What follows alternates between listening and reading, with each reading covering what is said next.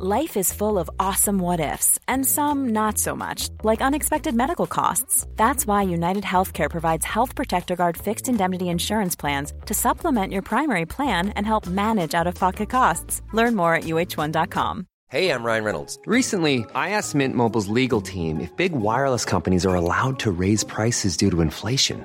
They said yes. And then when I asked if raising prices technically violates those onerous two year contracts, they said, What the f are you talking about, you insane Hollywood ass?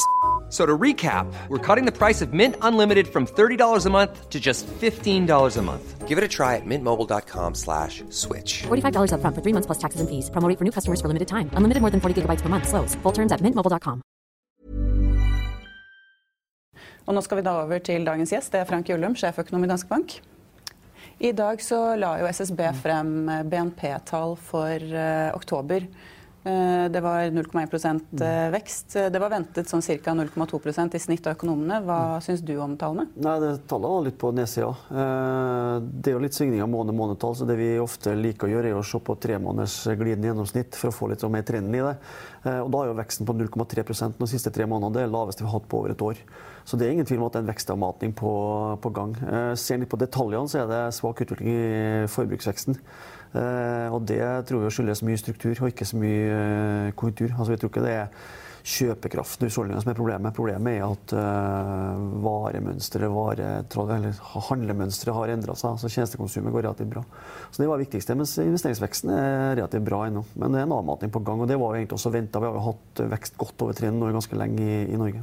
Men er det da på nedsiden av det Norges Bank legger til grunn? Ja, det, det, er vanskelig å si det er to måneder igjen over fjerde kvartal. Eh, men du skal ha ganske bra løft i veksten i november og desember nå for at du skal få den halvprosenten i vekst som Norges Bank har for fjerde kvartal. Så litt på undersida av Norges Banks anslag, det var det. Men eh, når det er sagt, så tror jeg det regionale nettverket som kommer i morgen klokka ti fra Norges Bank, blir mye viktigere for Norges Banks syn på norsk økonomi. Den har vist seg å være mer treffsikker på, på vekstutviklinga i Norge enn det BNP-tallet er, faktisk. Men du sier at det er forbruk som trekker litt ned. Mm. Hva skal til for å trekke det opp? Altså Julehandel, Black Friday, sånne ja, ting? Altså, det er jo vekstrater, ikke sant? så det, da må jo julehandelen være enda sterkere enn i fjor. og Det du ser varehandelen sliter med, det er jo uh, trusselen fra internetthandel. Nå er jo riktignok uh, internetthandel fra norske nettbutikker inkludert i tallene, men utenlandske nettbutikker er ikke med. og Det vet jo er økende. Uh, så du sliter litt med motvind derfra. Det er litt sånn handelslekkasjer. Det er også handelslekkasjer til Sverige. Det ser jo på handelsstatistikken. Er, ganske, det er større og større beløp hvert år.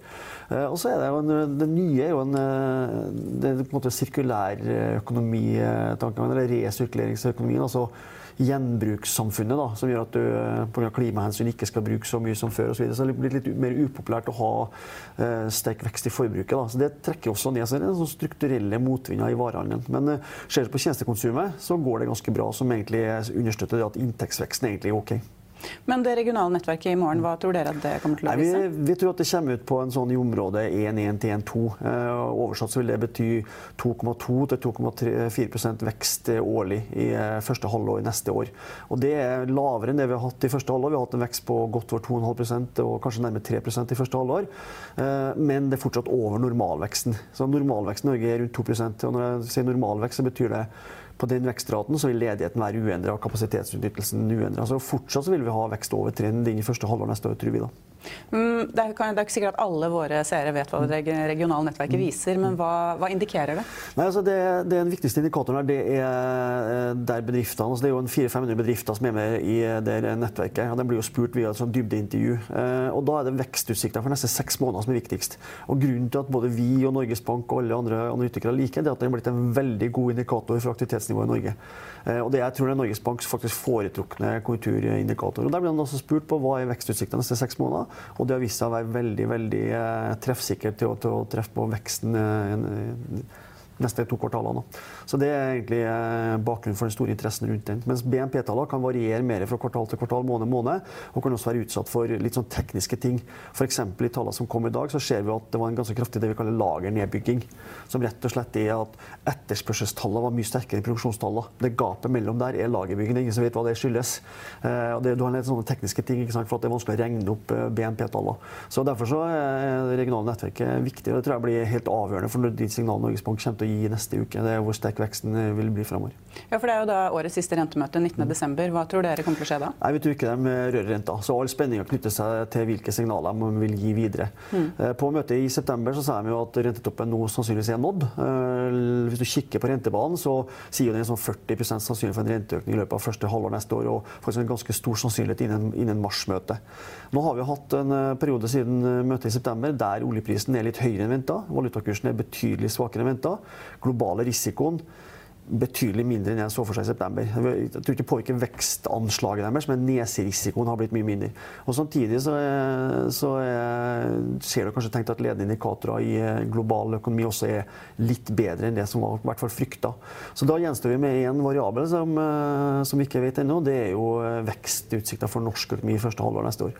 Så får vi en vekstrate omtrent der vi venter litt høyere, så må Norges Bank i neste uke signalisere at sannsynligheten for renteøkning i 2020 er 50% eller høyere.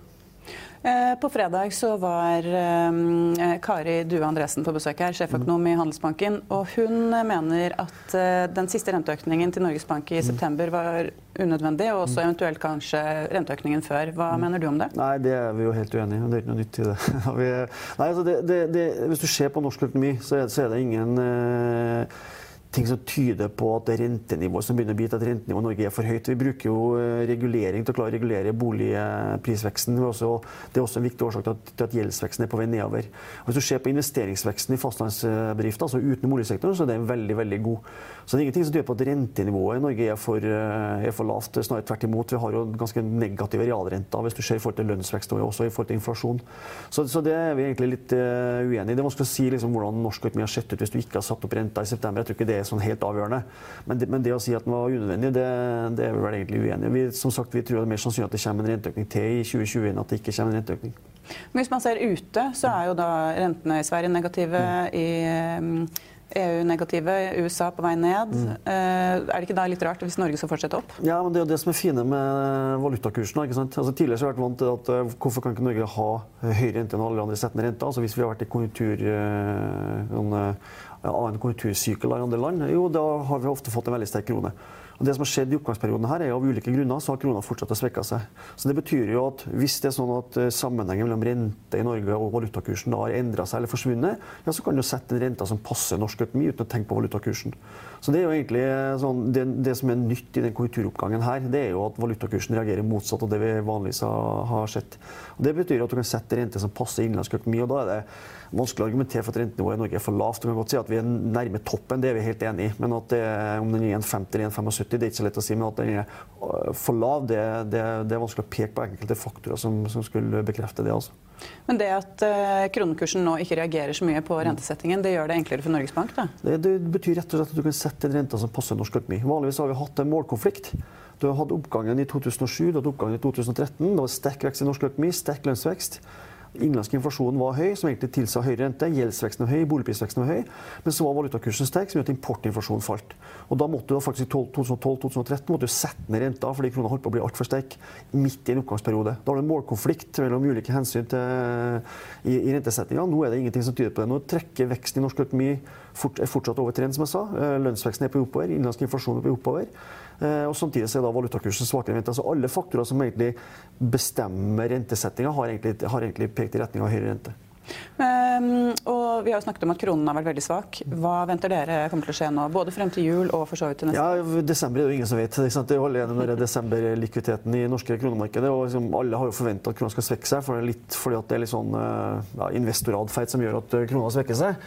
Eh, men nå fikk vi en veldig kronesvekkelse i forkant. der, altså I oktober svekka krona seg veldig mye mer enn det alle hadde regna med. altså Krona svekka seg fra 9,70 til 10,30 fra rentemøtet i september, da Norges Bank satte opp renta, og, og, i løpet av neste seks uker. Det var jo litt overraskende.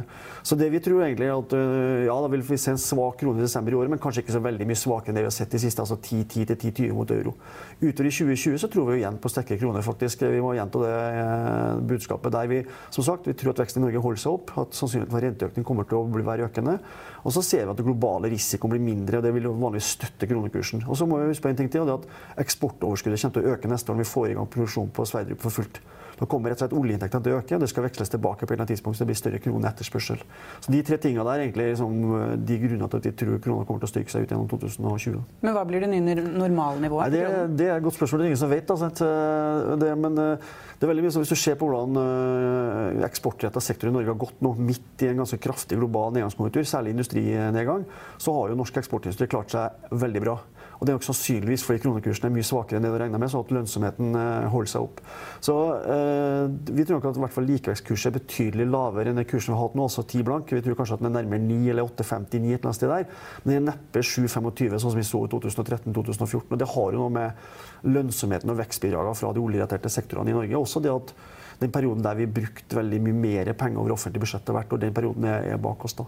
Men uh, det er jo det vi får testa nå. det er jo Hva er det nye likevekstnivået for kronekursen? Men hvis vi skal tipse, vil jeg tippe at den ligger i underkant av 9 istedenfor ti, som vi ser nå. Men skal vi tilbake dit allerede til neste år? Skal tilbake til Nitallet allerede? Ja, jeg tror vi får se nitallet på krona mot euroen i løpet av neste år. Mm. Mm. Ved inngangen av året så hadde jo dere mange forventninger, som alle andre økonomer. Mm. Hva er det som har overrasket mest? Eh, ja, det, det, er vel egentlig altså, Vi var jo, vi var jo usikre. Altså, inngang til året så var det jo en periode sant? da hadde jo nettopp hadde kraftig børsfall gjennom høsten, og det var stor usikkerhet rundt eh, handelssamtaler mellom eh, Kina og USA.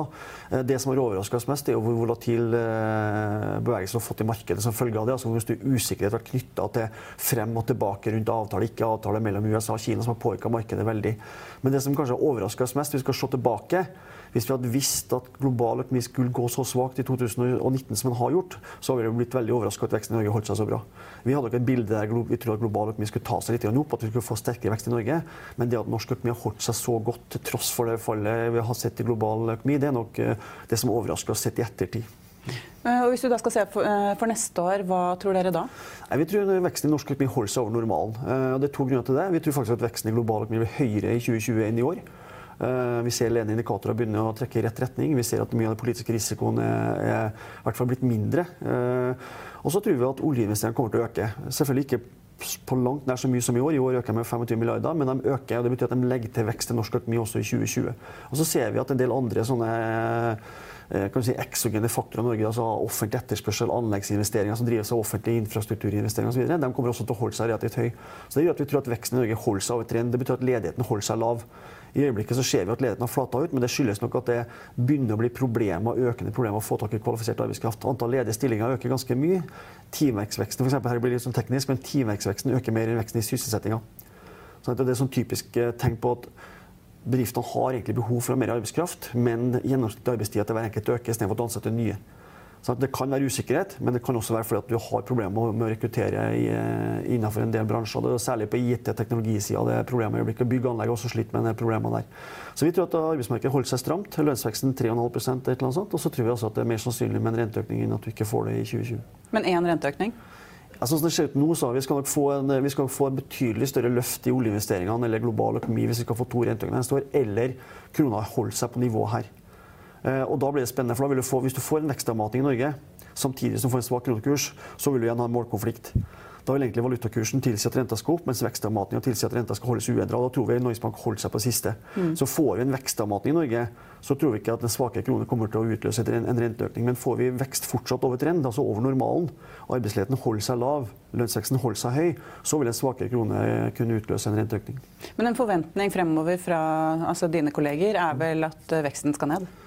I Norge? Ja. ja altså, hva mener du med kollegaer nå? Nei, Økonomi, konkurrenter? Ja. konkurrenter. Økonomkolleger. Ja, det, det, er litt, det, er litt, delte meninger der. Og det, det, største, det er to ting, tror jeg. Det ene er synet på global økonomi. Der en del er veldig negative og tror at du får en global resesjon, eller noe som ligner på en global resesjon. I hvert fall at du får betydelig lavere global vekst i, i 2020. Det tror ikke vi. Det betyr at vi, får, vi tror at vi får sterkere eh, etterspørselseffekter fra global økonomi i år enn du gjorde, altså i 2020 enn du gjorde i 2019. Så det kommer jo til å bedre utsikter for Norge. Og Det andre er vel usikkerheten rundt forløpet for oljeinvesteringene. Så De aller fleste er enige om at ja, her får en avmating i veksten, men det jeg tror vi er uenige om, det er liksom profilen på det, hvor fort det går. Mens vi ser liksom oljeinvesteringstellinga nå tilsier sånn 2-3% vekst i investeringer neste år, så betyr det egentlig at aktivitetsnivået kommer til å øke i hvert fall i første halvår 2020. Så må vi se da, om du da vil, når du begynner å få signaler om 2021 og 20 det er jo det som egentlig er store usikkerhet nå, det er oljeinvesteringene i 2021. Men uh, foreløpig så ser det ut som om vekstraten i uh, investeringstakten i Nordsjøen da, holder seg på sånn 2-3-4% i, i 2020. Og med høyere global vekst og med vekst i oljeinvesteringene, så er det vanskelig å se for seg hva som skal drive norsk økonomi ned i en, i en vekstundertrend eller i en nedgangskonjunktur. Da. Da, da må det være at, at handelsbanken har rett i at rentenivået i øyeblikket er for høyt. Da. Det tviler vi egentlig på.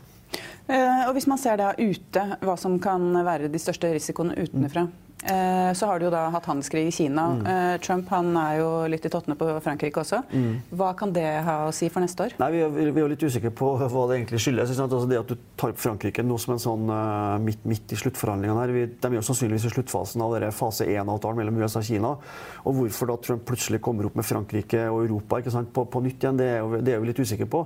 Skyldes det at en ser seg rundt om etter andre kandidater til å, til å øke tollsatser? Er det et signal til Kina om at tollkrigen ikke er over, og bare vent, hvis du ikke går på avtale, så vi, har vi mulighet til å øke tollsatsene? Eller, eller, er det sånn generelt uttrykk for at det er det viktigste virkemidlet i all politikk? Altså hvis, hvis, land ikke oppfører seg sånn som USA vil, så vil de da, vil de da drive økonomisk øh, eller sanksjoner eller, eller øh, handelspolitikk øh, eller handelspolitiske hindre mot de landene. Det vet vi ikke. Foreløpig, så, når vi ser på en liste over varer som da ble, ble foreslått der, så var det et par av nederlandske oster, f.eks. Så det er jo ikke full kontroll på, på virkemiddelbruken her. Så, men, men, vi kan si sånn at vi har jo prøvd å ha en modell for, for en sånn spillteoretisk modell der vi skal på en måte Eh, bestemme utfallet av den konflikten mellom USA og Kina. Problemet vårt var jo at den modellen forutsetter rasjonelle aktører. Eh, og Når du da ikke oppfører deg rasjonelt, altså det som er økonomisk rasjonelt, så er det vanskelig å gjette. Altså. Så det er utrolig uforutsigbart.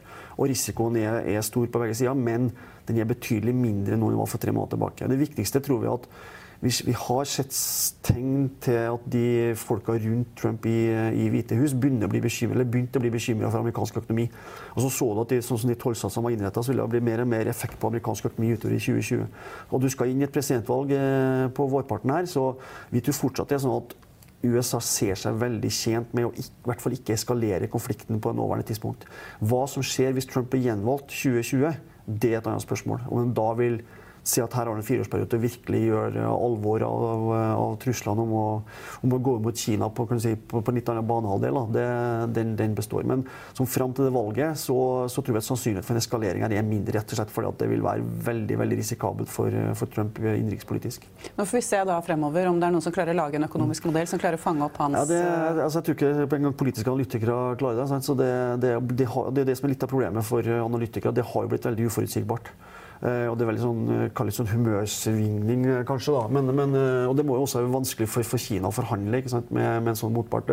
Selv om kan, en del av argumentene kan være kan si, ha, ha økonomisk eh, fornuft i seg, da, så er det vanskelig måten å forhandle på. Mm. Det må være vanskelig å forholde seg til andre parter. Det gjør det også mye mer usikkert. Også særlig det at mye av endringa i politikken blir kommunisert via Twitter, er jo et eh, forferdelig problem for alle som følger deg. Du ser hvor volatilt markedet har blitt. Mm. Eh, på, på, tirsdag så kommer det en melding om at vi er nære forhandlinger. På torsdag så kommer det en melding om at nå er det tollsatser på Frankrike. sånn at Markedet går jo uh, 1 2% av aksjemarkedet og 10-12 punkter i en tiårsrente i USA mm. på de nyhetene. Det, det er utrolig vanskelig å, å og, utfordringer. Da, da, er kanskje det beste liksom, å enten sitte helt i ro i båten, da, eller, eller, bare prøve å se gjennom, uh, se gjennom all støyen. Men det, det, er vanskelig. Det er blitt det. Ja.